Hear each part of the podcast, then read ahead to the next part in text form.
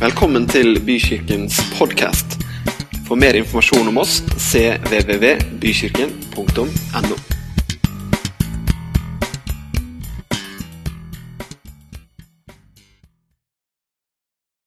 I dag så, så skal jeg eh, Jeg bare fortsetter i Filippe-brevet, Bent Ove. Du har, eh, du har delt Guds ord fra oss allerede, fra det fjerde kapitlet der. Og min tekst til dagens tale er Filippe-brevet 4. Eh, Og vi skal lese fra vers 10 til og med vers 19. Så du får smøre deg med litt tålmodighetskrem her, men du så jo på Netflix to timer før du la deg i går, så ti, ni bibelvers, det klarer du i kirka. Vi leser i Jesu navn, og der står det som følger. Apostelen Paulus sier dette. Jeg gledet meg stort i Herren over at deres omsorg for meg nå endelig har blomstret opp igjen. Selv om dere også viste omsorg før, hadde dere ikke anledning til å gjøre noe. Jeg sier ikke dette fordi jeg mangler noe, for jeg har lært å være fornøyd under de forskjellige forhold jeg har vært i.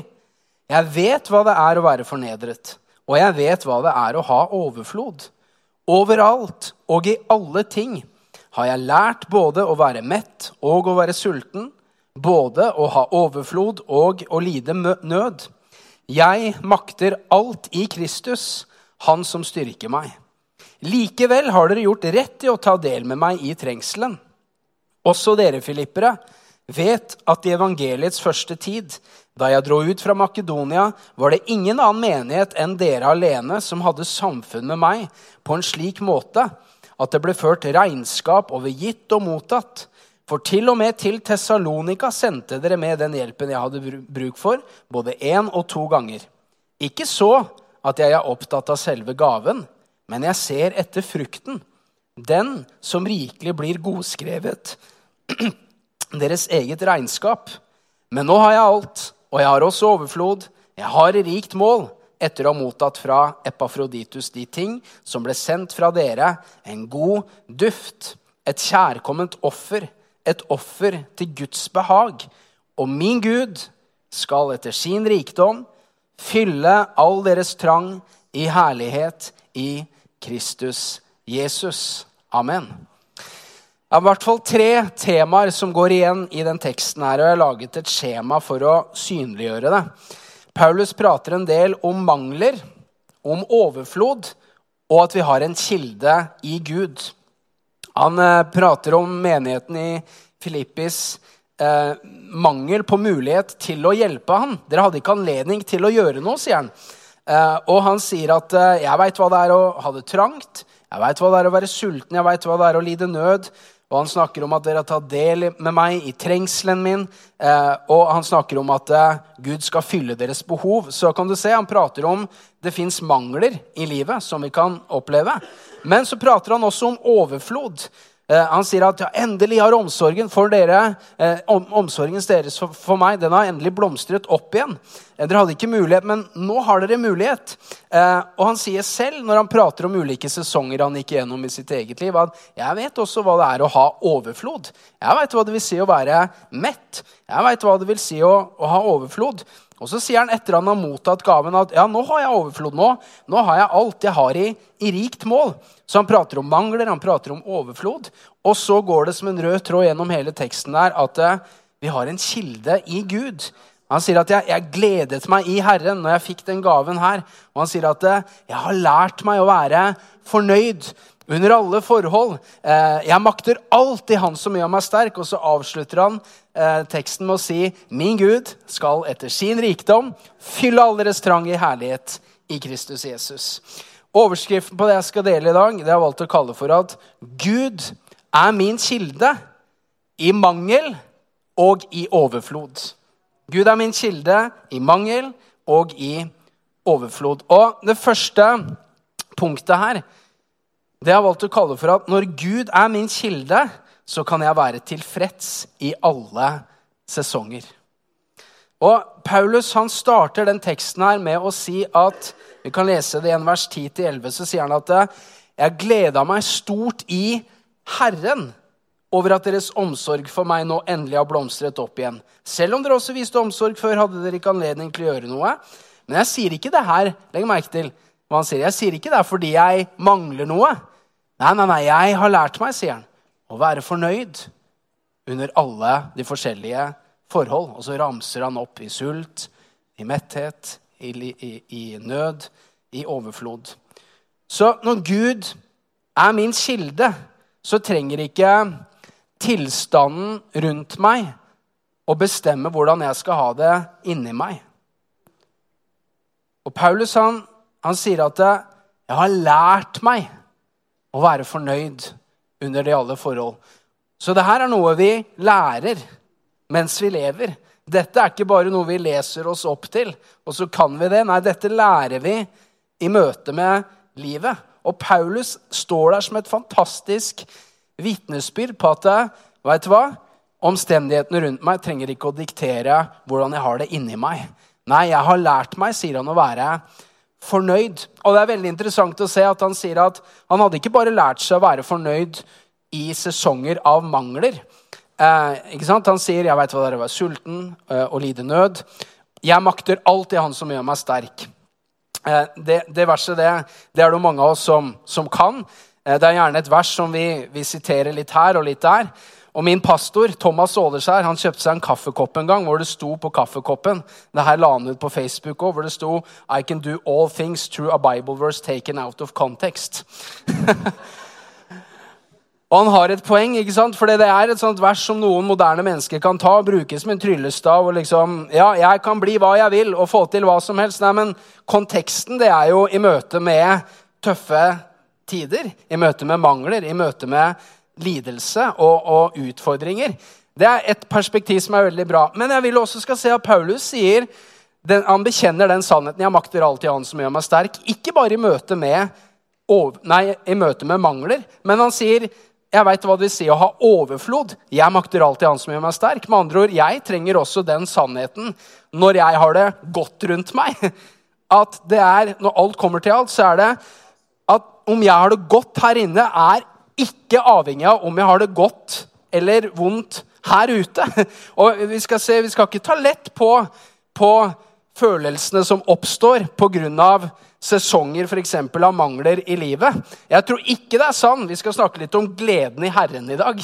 Jeg tror ikke det er sånn at gleden i Gud ekskluderer andre følelser, men jeg tror gleden i Gud gjør at andre følelser sameksisterer. Men ikke minst så kan vi også håndtere følelsene på en mye bedre måte når det lander på at vet du hva, jeg har lært meg å være tilfreds i alle sesonger. Jeg har lært meg å trekke på en styrke som er her inne, som heter gleden i Gud. Jeg har lært meg å være tilfreds i, i alle forhold. Så når det er suksessfullt rundt meg, så vil sannheten om at jeg makter alt i Han som gjør meg sterk, den vil bevare min ydmykhet. Men når det er mangler og tøft på utsiden, så vil sannheten om at jeg makter alt i Han som gjør meg sterk, ja, den vil trøste meg og styrke meg og lære meg at nei, vet du hva, jeg kan være tilfreds Uansett hvordan det er, det er rundt meg.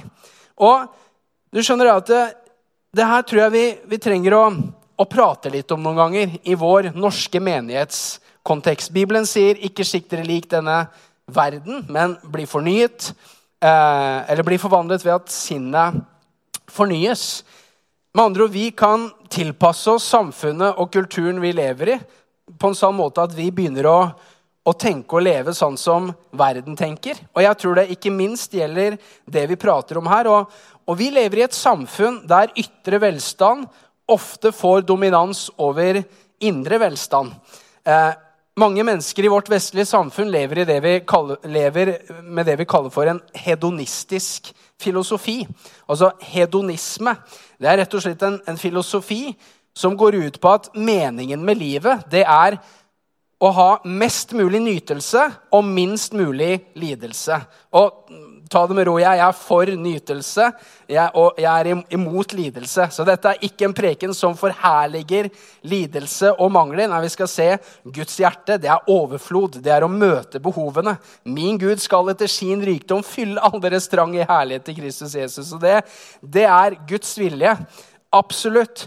Men jeg tror at når vi lever i et samfunn der meningen med livet for mange blir mest mulig nytelse, minst mulig lidelse, så er det sånn at eh, vi for det første vi, vi, vi får et veldig sånn forbrukerorientert samfunn og en forbrukerorientert levemåte der vi worst case prøver å kjøpe oss lykke og prøver å kjøpe oss glede. Og ironien ved det her det er jo at dette gjør jo ikke oss nordmenn noe mer glad. Det gjør oss mer deprimerte. Så ja, du kan godt si på statistikken scorer vi høyt på lykke. Men vet du hva vi også scorer høyt på? Bruk av antidepressiva. Så ja, vi er lykkelige, men vi er kanskje sykt lykkelige.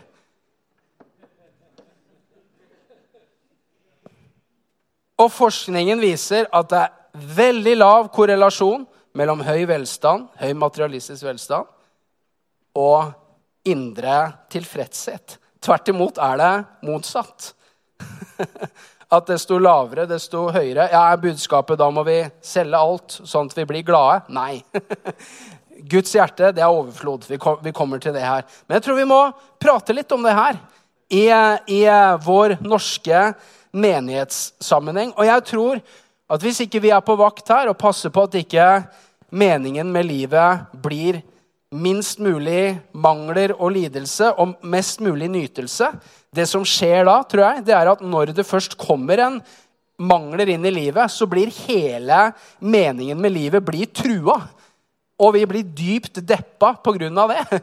Men hør hva jeg sier nå. Meningen med livet ifølge kristen tro det er ikke mest mulig nytelse og minst mulig lidelse. Meningen med livet er å kjenne Gud, skjønner du. Og det kan du gjøre i alle sesonger. Og når du kjenner Gud og går med Han, så er det en tilfredshet og metthet som preger deg på innsiden, uavhengig av hvordan du har det på utsiden. Og frukten av å kjenne Gud vil absolutt bidra til nytelse. Paulus sier at eh, ikke sett håpet deres til den usikre rikdommen, men til den levende Gud, han som gir oss, eh, som gir oss rikelig å nyte av alle ting. Amen. Så Gud er for din og min nytelse, ikke misforstå. Men tilfredsheten som manifesterer seg i vårt indre, som også er en frukt av å kjenne Gud, den er så mye sterkere, skjønner du. Og når Gud er min kilde, så kan jeg være tilfreds i alle sesonger. Jeg har lært meg å være fornøyd, sier Paulus i alle forhold. Og når Paulus sier det her, så, så, er det faktisk en sammenheng hvor han takker menigheten for pengegaven som de ga ham. Så Paulus var i en sesong av mangler. Han trengte midler for å spre evangeliet og plante nye kirker osv. Han var i en sesong av mangler. Og så sier han jeg gleda meg stort i Herren over at deres omsorg endelig har blomstra opp for meg. Jeg vet at dere ikke hadde noen mulighet til å gi før, men nå, nå hadde dere det. Så jeg, jeg, gleder meg stort over det her. Og så sier han, men jeg sier ikke det her fordi jeg mangler noe. ja, Men vent litt, Paulus, har du ikke nettopp stått og sagt at du er så glad for at vi kunne fylle manglene dine, og så sier du, men jeg sier ikke det her fordi jeg mangler noe? Han, ser du, han gjør faktisk et poeng ut av at om mine mangler er oppfylt eller ikke, så har jeg faktisk noe inni meg som gjør at jeg er tilfreds i alle forhold.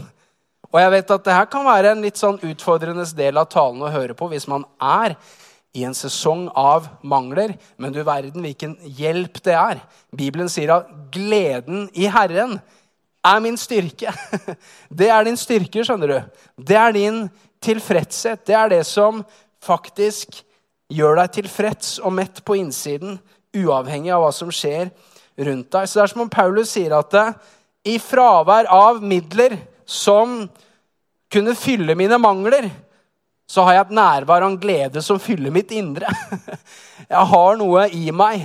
Du skjønner, det spiller egentlig ingen rolle hva som skjer rundt deg, og hvem du har rundt deg, men det handler om hvem er det som er i deg.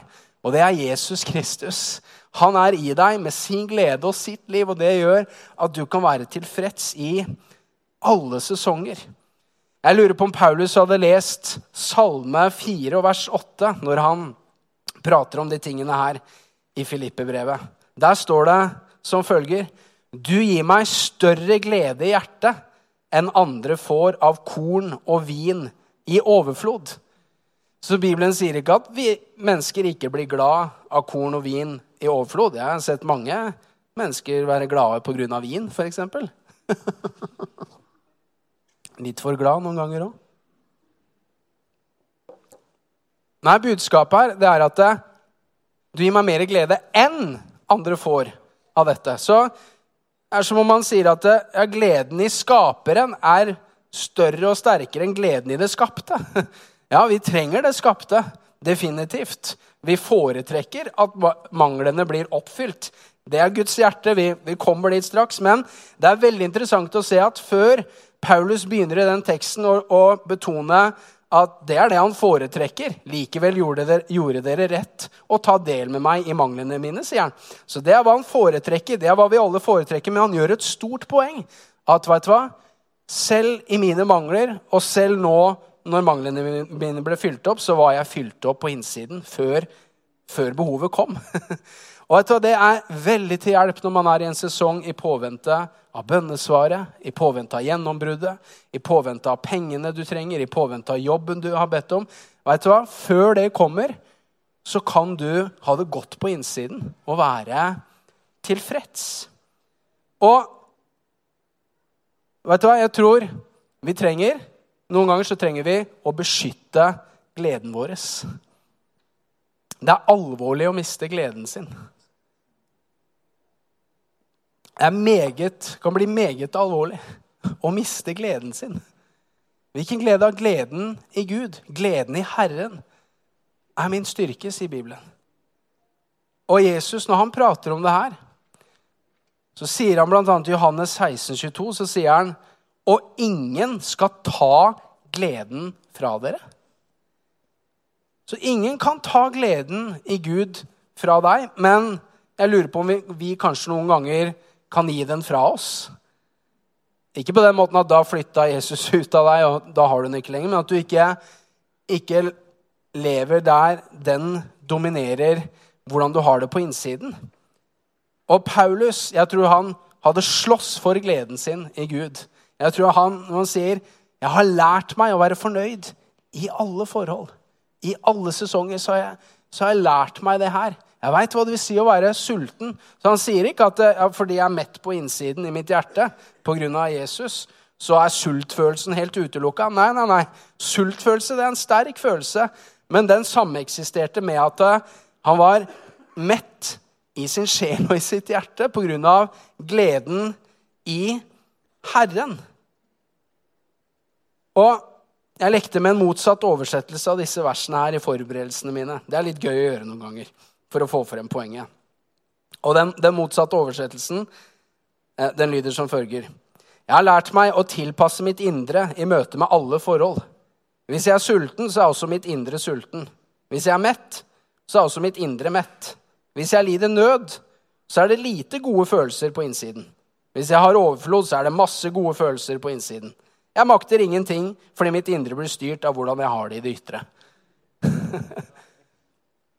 Sånn kan det jo føles noen ganger. Men du trenger ikke å la hvordan du har det i ditt ytre, bestemme hvordan du har det her inne. Du kan være tilfreds i alle sesonger. I alle sesonger. I alle sesonger, i alle ting. Hvorfor? Jo, fordi du makter alt i Han som gjør deg sterk. Du makter alt det Han som gjør deg sterk. Og når Paulus sier 'jeg har lært meg å være fornøyd' Det ordet 'fornøyd' kan kanskje virke litt traust. Men det ordet 'fornøyd' det er i de engelske bibeloversettelsene så står det 'content'. Og det er et litt fyldigere ord. Det ordet 'content', altså fornøyd, det betyr 'in a state of peaceful happiness'. Det syns jeg er et veldig bra, eh, veldig bra setning. Også i en tilstand av fredfull happiness glede. Så når Paulus snakker om at han var tilfreds i alle sesonger, så, så handla nettopp det om at han var oppfylt på innsiden. Han var mett på innsiden. Han var i en fredfull tilstand av glede. Og et sitat til fra, fra salmene, og så skal vi begynne å snakke om pengene. For jeg har noe på hjertet som har med, med penger å gjøre også. Og, eh, og det her henger veldig sammen med med det her. Og det første vi ser på nå er at Når Gud er min kilde, da kan jeg være tilfreds i alle sesonger. Og Salme 37 og vers 4 jeg sier Paulus, nei, unnskyld, salmisten han sier noe veldig bra noe. Han sier, 'Gled deg stort i Herren, så skal Han gi deg etter ditt hjertes ønsker'. Kjenner du til det verset der? Vet du hva jeg gjør noen ganger? Jeg gjør det stikk motsatte. Jeg gleder meg stort i Herren når jeg får det hjertet mitt ønsker seg. er det confession time? Er det noen flere enn meg? Gud velsigne deg. Og dere andre, dere, dere må få sannhetsbekjennelse i, nei da, i livet. Nei, gled deg stort i Herren, så skal han gi deg det som ditt hjerte trakter etter.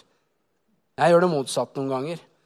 Og det her er heller ikke et sånt vers som Tryllestav, simsalabim, du får alt du ønsker deg, liksom. Nei, hva er det som skjer med hjertet, hjertets ønsker når hjertet gleder seg stort til Herren? Jo, da begynner jo ønskene å endre seg også. Har du merka det? Da, vil du, da begjærer du Du slutter ikke å begjære. Nei, nei, du fortsetter å be og begjære av Gud. Du har fortsatt behov. Det er bare at eh, behovene er kanskje ikke like sterke, og behovene de endrer seg også. Og du begynner å begjære i henhold til Guds vilje for livet ditt. Så gled deg stort i Herren, så skal manglene bli fylt opp. Gled deg stort i Herren, så skal du få det hjertet ditt ønsker deg. Det er Guds ord, det er ikke mine ord. Don't shoot the messenger. Gled deg stort i Herren. Ja, men det kan jeg ikke gjøre nå. Jo, det kan du gjøre nå. Akkurat her og nå så kan du glede deg ikke litt, stort i Herren. Vet du, Vi har så enormt mye å være glad over i Jesus Kristus. Det er en annen ting som Paulus også snakker om i brevene sine når han prater om alle forhold. Jeg har lært meg å være fornøyd i, i alle forhold, eller alle sesonger, som jeg sier. Han, han, han, han sier i 1. Tessalonikerbrev 5, og vers 18-21, så sier han Takk Gud under alle forhold, for dette er Guds vilje med dere i Kristus Jesus. For et nydelig vers.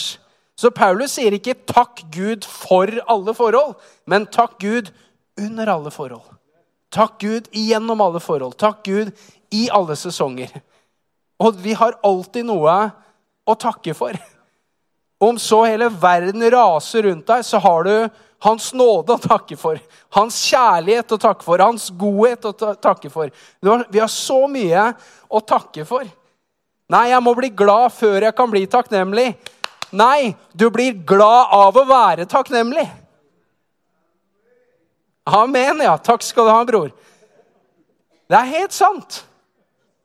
Nei, jeg kan ikke bli takknemlig før jeg er glad. Jo, du har noe å være takknemlig for nå, og bare prøv. Jeg, jeg utfordrer deg. Prøv, særlig du som deg som det blåser litt rundt ørene på akkurat nå, hvor du har mangler. Og manglene puster og peser deg i ørene. Stopp litt opp, og så sier du 'Takk, Jesus' for at du er min kilde i livet. Alle mine kilder er i deg. Takk for at du er trofast. Bare, bare prøv. Og takkelista di den er så lang, og du skal se glede kommer opp i hjertet ditt. Og tilstanden i ditt indre endrer seg før tilstanden i ditt ytre endrer seg. Og så blir det sånn som Guds ord sier, gled deg stort i Herren, så får du det ditt hjerte ønsker seg. Det er en nydelig måte å be på. Det er en nydelig måte å praktisere sitt bønneliv på. Og studiene, forskningen, den er utelukkende enig. Takknemlighet reduserer depresjon. Det reduserer do, dårlige, vanskelige følelser i ditt indre. Og det, Da snakker man om mennesker som takker naturen og moder jord. Men når vi takker Skaperen, og takker for at han bor i oss med sitt liv og med sin glede, så er det sånn at eh, du du begynner å ikke bli styrt av at manglene ikke er fylt opp fordi du har noe her inne som fyller deg opp. Og du, du kan si som Paulus, 'Jeg har lært meg å være tilfreds i alle, i alle sesonger'. Så ikke tenk når jeg blir glad, da skal jeg bli takknemlig. Nei, praktiser takknemlighet nå, og så blir du glad. Amen.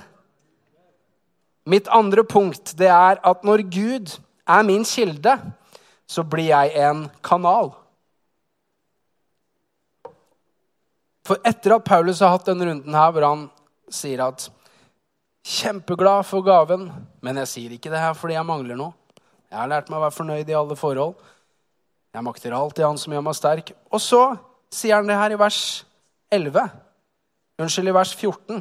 Så sier han likevel har dere gjort rett i å ta del med meg i trengselen. Jeg syns det er kjempefascinerende språkbruk i den teksten her. Så jeg, jeg sier ikke takk fordi jeg mangler noe. Jeg har lært meg å være fornøyd i alle forhold. Likevel, likevel, det var helt riktig av dere å fylle manglene mine. Det er som om man sier det er dette jeg foretrekker. Det er, det, er, det er, jo dette, det er dette som er Guds vilje, nemlig overflod. Å kanalisere Guds velsignelse inn i andre menneskers liv. Så selv om hans glede og tilfredshet ikke var styrt av verken mangler eller overflod, så, så sier han at det, var helt riktig av dere å, å gi til min tjeneste og fylle, fylle manglene mine. Og det er sånn. Eller er det ikke sånn, venner? Når vi tror på det at Gud er vår kilde, så blir det vanskelig å holde på velsignelsene sjæl. Jeg tror du er velsigna Punktum. Og så tror jeg du er også velsigna for å være en velsignelse, men du er også velsigna. Punktum. Han elsker deg, han bor i deg, han er din forsørger. Hans favør er over ditt liv. Gud er din kilde. Men det er vanskelig å på en måte bli et vannreservoar når man lever i den sannheten. Nei, hva er det som skjer når Hvis du tenker på vannet, når det treffer bakken igjen og igjen og igjen. Jo, bakken, den, den blir metta, ikke sant? Den blir metta, og den blir fylt opp. Og så samler vannmassene seg oppå bakken. Og så begynner vann, vannmassen å grave en kanal. Den, den graver en bekk. Og så begynner den å kanalisere. Så i Norge så kan vi drikke eh, friskt vann fra bekken. Vi kan til og med fiske ørret i bekken. Så, så bekken blir en kilde til velsignelse for, for menneskene rundt. Og du sånn er det når jeg og du også tror på det og praktiserer det at Gud er min kilde i alle ting. Da er det sånn at eh, han kaller oss ikke til å være vannreservoarer som, som holder på vannet. Nei, det dannes kanaler i livet vårt, det dannes bekker i livet vårt som vil spre velsignelse. Og Gud er jo jeg mener, Gud er rik med stor R. Han er rik nok for hvor mange? Alle. Så Gud eier alt. Og her, her har du behovene. Men Gud trenger noen kanaler for å få kanalisert sin rikdom, sin velsignelse, sin kjærlighet, sin nåde. Og hvem er de kanalene? Jo, det er, det er sånne som deg og meg, som har Gud som kilde. Han fyller våre behov, men i så stor grad at det danner seg en bekk ut av livet vårt som, som vil velsigne. Og jeg, jeg, husker første gangen jeg opplevde det her på en veldig konkret måte som hadde med penger å gjøre. Det er noe med, det, noe med den første gangen. Når man opplever noe med Gud. Den, sånne historier de bare sitter. Derfor så kommer den nå. Men jeg gikk på bibelskolen vår i 2003. Um, begynner å bli 20 år sia. Og eh, Vi hørte undervisning om eh, bl.a. det her. At vi, eh, vi, kan velsigne hverandre og spre, spre Guds godhet. Og, og, også gjøre det ved å, å, gi av pengene våre. Og jeg begynte å øve meg på det i det små. Jeg begynte å spandere lunsj på folk, jeg begynte å invitere folk hjem. Og, og kjente at wow, det er, det er saligere å gi enn å få. Utrolig deilig å få, men det er, det er jo deiligere å faktisk gi. og gjøre andre glad. Eh, og så gjorde jeg et regnskap. Jeg så på økonomien min.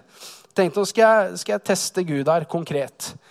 Eh, og jeg, jeg, regner, og så ser jeg ok, jeg har, jeg har, faktisk 500 kroner mer enn hva jeg trenger eh, fram til neste utbetaling av, av eh, studielånet.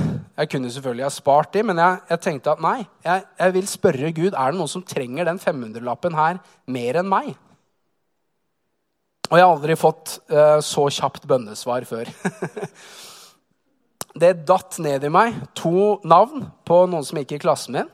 Og så, um, og så uh, sier Den hellige ånd til meg, kjøp mat til de to. De trenger det. Ok. Og så slår jeg på tråden til mine medelever. og spør om vi skal møtes i Lillestrøm for å ta en kopp kaffe og bare ha det sosialt og henge. Ja, hyggelig. Vi møtes. Og så møtes vi der. Og så, etter at vi er ferdig med det, så inviterer de meg hjem til dem. Og så sier jeg ja til det. Og så på vei bort til dem så sier jeg hei, kan ikke vi stikke innom Rema bare kjøpe noe, noe å snackse på til, til, kaffen hjemme hos dere? Ja, ja. Så går vi inn, og så tenkte jeg ok, nå bare sier jeg det. Og så sier jeg til min venn at du, vet du hva, jeg har bare lyst til å velsigne dere med, med å kjøpe mat til dere for 500 kroner. Og han, eh, han får hakaslepp. Han blir helt sånn satt ut. Altså 500 kroner, det er jo ikke det er jo litt, men det er jo ikke all verden heller. Så jeg tenkte det var en voldsom reaksjon.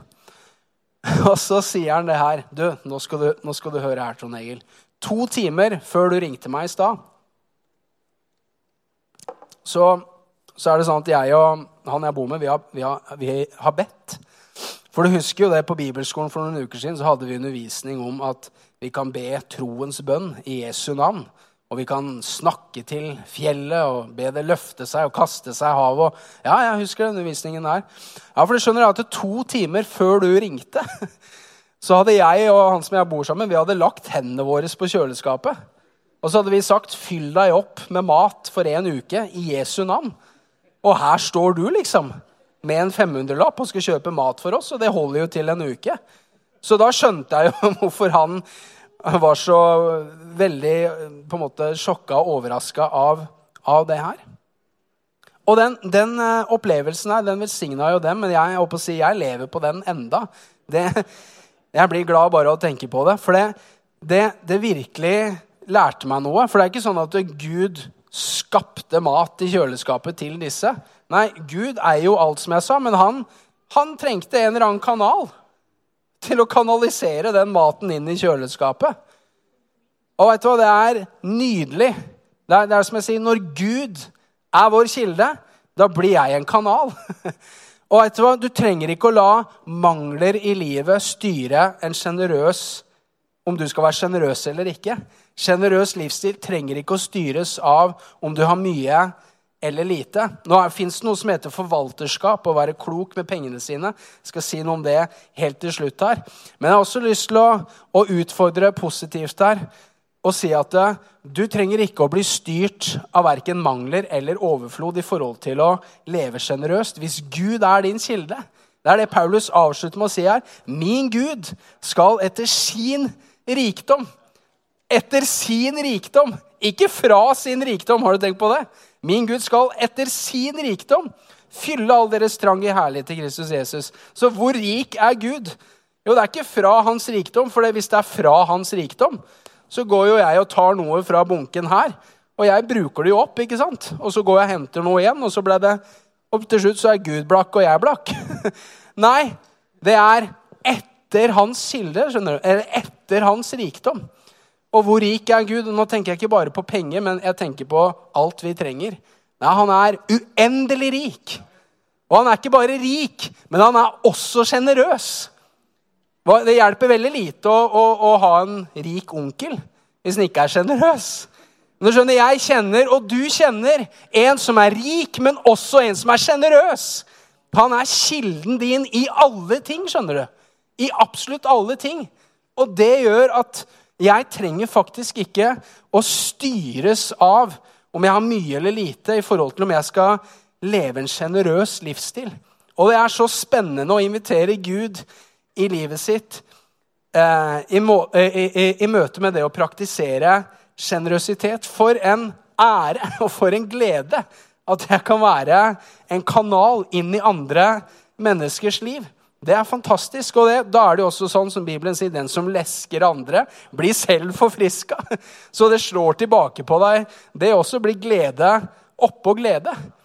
Og det er også en vanvittig hjelp når man også står med problemer opp til haka sjæl, for det gjør vi noen ganger, så er det faktisk en vanvittig hjelp å noen ganger se litt utover. Og løfte blikket sitt litt ut ifra sin egen situasjon. Jeg sier ikke at det alltid er riktig, men noen ganger. Kanskje det var et ord til én her. Hva med å bare ta øynene litt bort ifra din egen situasjon? Finn et annet behov og møt det, og du skal se Oi, det, det, det setter i gang noe på innsiden.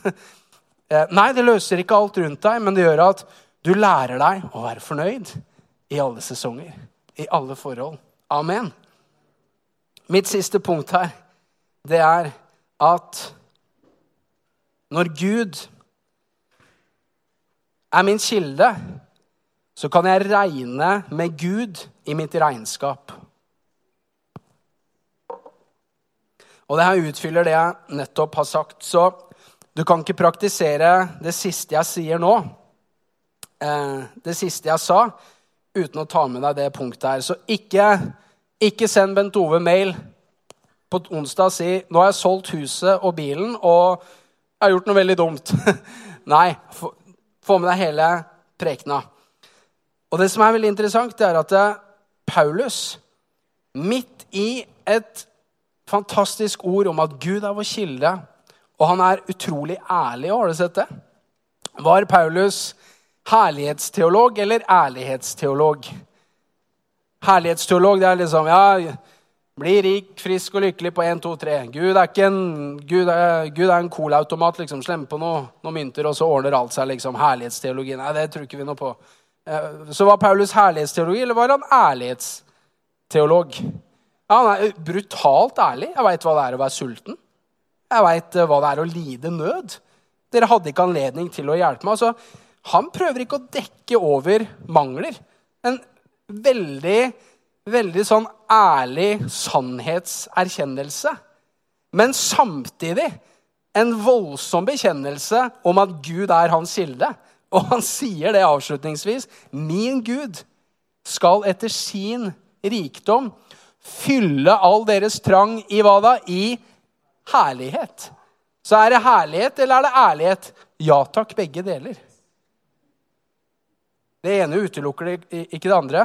Jeg tror på å snakke sant om livet, men også snakke sant om hvem Gud er for oss i dette livet.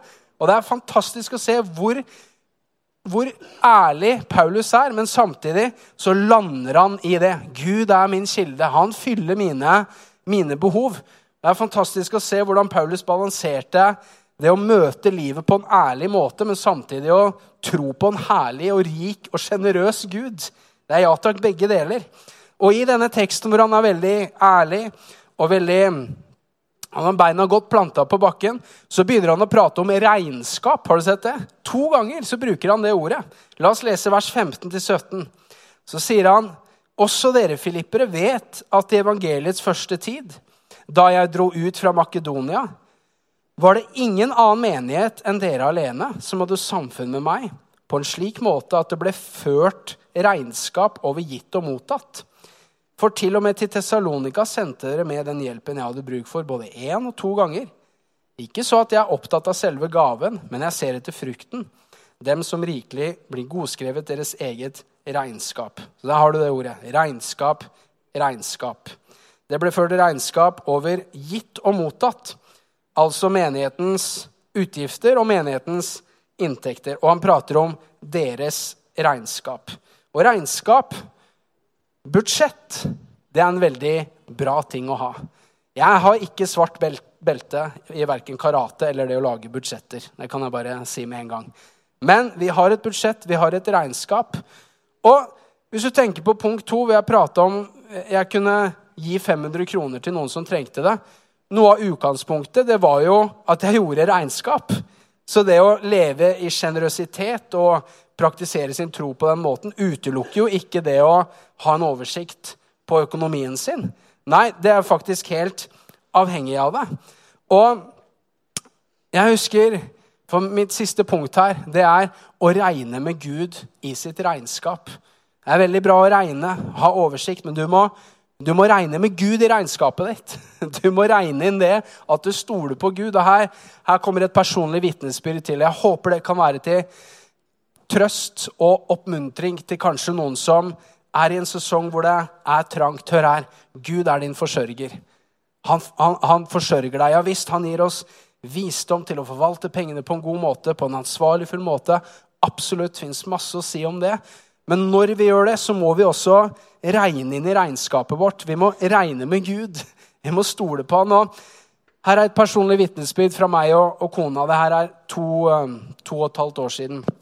Lang historiekort. Vi, Vi hadde jobba litt for mye eh, over noen år, og som du vet, da blir man også litt for sliten. Eh, så vi så at eh, nei, vi må, vi må, redusere litt her. Eh, så begge to jobba 100% men vi ble enige om at vi må gå ned fra 200% stilling til 180 Så vi, eh, kona gikk ned til 80% stilling. Og vi, vi, kjente at Guds omsorg var i det. At eh, det her er godt for dere som ektepar, det er godt for familien, for barna. Ro litt ned nå. Det er bra. Men så begynner man å regne, ikke sant? og så ser man å ja, 20% mindre inntekt utgjør så mye kroner. Det er ikke kjempe, kjempemasse, men det er klart det går utover eh, familieøkonomien. Så noen grep må man gjøre. Og så begynner vi å se på budsjettet, og så begynner vi å snakke om vår tiende, altså vår faste gave til kirka, vår givetjeneste. Og så tenkte vi sånn her, ok, nå har vi mindre inntekt. Da, da må egentlig vi også, bør vi gå ned med vår faste gave. Eh, det, det ble på en måte en logisk konsekvens av det. Men så merker vi samtidig at nei, vi har ikke lyst til å gjøre det heller. Vi har, vi har lyst til å fortsette å gi den summen. Så vi prater litt frem og tilbake, og så lander vi på at nei, vet du hva? Vi tror jo at det er Gud som vil at vi skal få litt mer slack i livet nå. Så vi, vi reduserer ikke vår gave. Vi tar heller og setter den litt opp. ikke veldig mye, men bare som et, et lite sånn statement. Vet du hva? Gud er vår kilde. Gud er vår kilde, også i økonomi. Og så ber vi sammen, takker Herren og prater med jobben. Og her er vårt vitnesbyrd. Dagen etterpå Det er ikke noen voldsomme greier, men bare til din oppmuntring. Dagen etterpå så får jeg melding fra noen i, i menigheten. Jeg kjenner dem knapt. Jeg er på hils på dem på, på gudstjenesten. Og de skriver som følger. Hei, Trond Egil. Når jeg våkna opp i dag, så ble jeg minnet på dere. Og da er jeg lydig, så jeg har vippset over noen penger til dere i dag. 3500 kroner. Ikke veldig mye, men det bare opplevdes som en sånn skikkelig vink fra himmelen. Det var som om Gud bare sto og sa I got your back. Jeg er deres forsørger. Bare stol på meg. Jeg går eh, tre-fire uker til. Opp, jeg opplever akkurat det samme. 10 000 kroner. Og jeg kunne fortalt historie på historie på så mange ulike måter hvordan Gud har har sine bekker, og hvordan ting har løst seg. Og vi ikke har måttet justere ned vår gave, men som jeg sier, vi har heller skrudd den litt opp. Og jeg sier Det er ikke noe synd å skru ned sin faste gave til kirka. Paulus sier dere hadde ikke anledning til å gjøre noe. Det Absolutt. Du må ikke ta det her som en, en mal, men, men jeg, jeg, tror det fins noen i rommet her som står i en sesong hvor det er trangt. Og jeg vil, jeg ba, jeg bare vil si til deg Gud er din kilde. Gud er din kilde. Du kan stole på han i din økonomi. Hans, vi, vi, avslutter talen med å, å, lese Jeg har sitert det verset mange ganger allerede, men det aller siste verset. La dette bare sette 100 streker under dagens budskap. Dette er Guds løfte til deg. Dette er Guds løfte til menigheten, til bykirken, til OKS. Dette er Guds hjerte. Yes, vi lever i en verden av mangler, men vi tror på en Gud midt i denne verden av mangler, på en Gud som er rik, og som vil overflod. Og Guds ord lyder som følger til din situasjon, særlig du som er i en sesong av mangler. Paulus sier, om min Gud skal etter sin rikdom fylle all deres trang i herlighet i Kristus Jesus. For et løfte. Og det er sant. Det gjelder deg. Det gjelder deg og din husholdning. Det gjelder din situasjon. Gud er god, og han er rik, og han er sjenerøs. Han bryr seg om deg. Og han hilser deg og sier, 'Jeg er din kilde. Jeg er din kilde. Alle mine kilder er i deg.' Amen. Skal vi lukke øynene, og så kan, kan teamet gjerne komme opp her? Skal vi reise oss opp på beina, så jeg har lyst til å bare runde av dagens ord med å, å be spesielt for deg som er i en sesong hvor det er Som er preget av, av mangler. Og du må ikke tenke at mangler bare representerer økonomi i den talen her, selv om det var det jeg først og fremst betonte. Men Gud, han, som det står, han fyller alle våres behov. Ikke bare i forhold til penger, men i helsa di, i ekteskapet, i familielivet, på arbeidsplassen. Han er din kilde. Alle mine kilder er i deg, som salmisten sier. Alle dine kilder er i Han. Alle dine kilder er i Han. Men jeg har lyst til å Jeg kjenner hjertet strekker seg.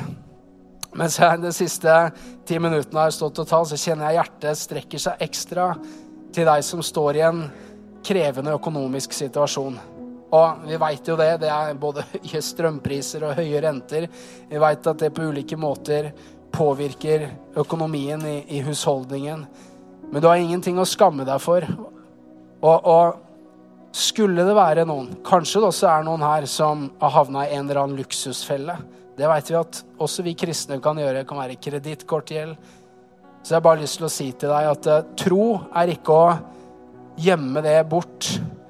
Og jeg vet hvordan frykten for å tørre å se på tallenes tale, den kan hindre så mange til å tørre men vet du, Hvis du skulle være i en eller annen sånn luksusfelle, du skulle sitte fast i noe med, med usunn kredittkortgjeld, så vil jeg si til deg at uh, den dagen du tør å se på tallene, tør å kanskje ta noen andre inn i det, det er ikke en dag av nederlag, det er en dag av seier. Det er en måte du tar ditt steg i å tro Gud for å få hjelp, til å få visdom. Nei, det renner ikke penger inn på kontoen din, men visdom kommer til deg. Forvalterskap kommer til deg. Gode råd kommer til deg fra mennesker rundt deg. Ta det til deg, du som kanskje kjenner deg igjen i det. Og så vil jeg si til deg som generelt bare er i en krevende sesong økonomisk i livet ditt Jeg har lyst til å bare be en troens bønn for deg her oppe ifra, bare for å, å liksom forsegle dagens budskap. Så kan ikke alle bare lukke øynene, og så vil jeg bare rett og slett spørre Hvis du kjente at at det der siste du prata om, det med å regne med Gud i regnskapet mitt. Det der traff meg, det der var til meg. Kan ikke jeg bare få lov til å se hånda di akkurat nå, så skal jeg be en bønn for deg her oppifra. Jeg skal ikke eksponere deg, jeg skal ikke ta deg frem her på noen som helst måte. Jeg vil bare vite hvem jeg er. Gud velsigne deg. Gud velsigne deg. Gud velsigne deg. Takk skal du ha. Takk skal du ha. Takk skal du ha. Så fint. Bare vær frimodig og bare gi et tegn med hånda di så jeg ser deg. Så bra mange som responderer. Men du vet, det her var et ord fra Gud til deg, skjønner du. Bare løft dine hender der det står, og så er det som om du bare sier til Gud, Gud, du er min kilde. I Jesu navn, far, så takker jeg deg for Den hellige ånds påminnelse om at du er vår kilde i alle ting, også når det gjelder økonomi. Jeg takker deg, Gud, for løsninger er på vei. Bønnesvaret er på vei. Og før bønnesvaret kommer, så husk på det, det første vi prater om. Du kan være tilfreds. I møte med mangler på utsiden så har du noe i deg som fyller deg opp. Så takk skal du ha, Hellige Ånd. Du fyller opp mennesker med liv og kraft og glede. Vi takker deg. Ikke vent med å takke Gud. Nei, begynn å takke Gud nå. Bare takke Han, for Han er din kilde. Han er din kilde. Skal vi lovsynge Gud, og så kan du gi din respons på ordet du har hørt i dag, ved å glede deg stort i Herren og være tilfreds i alle forhold du er i. La oss prise Herren.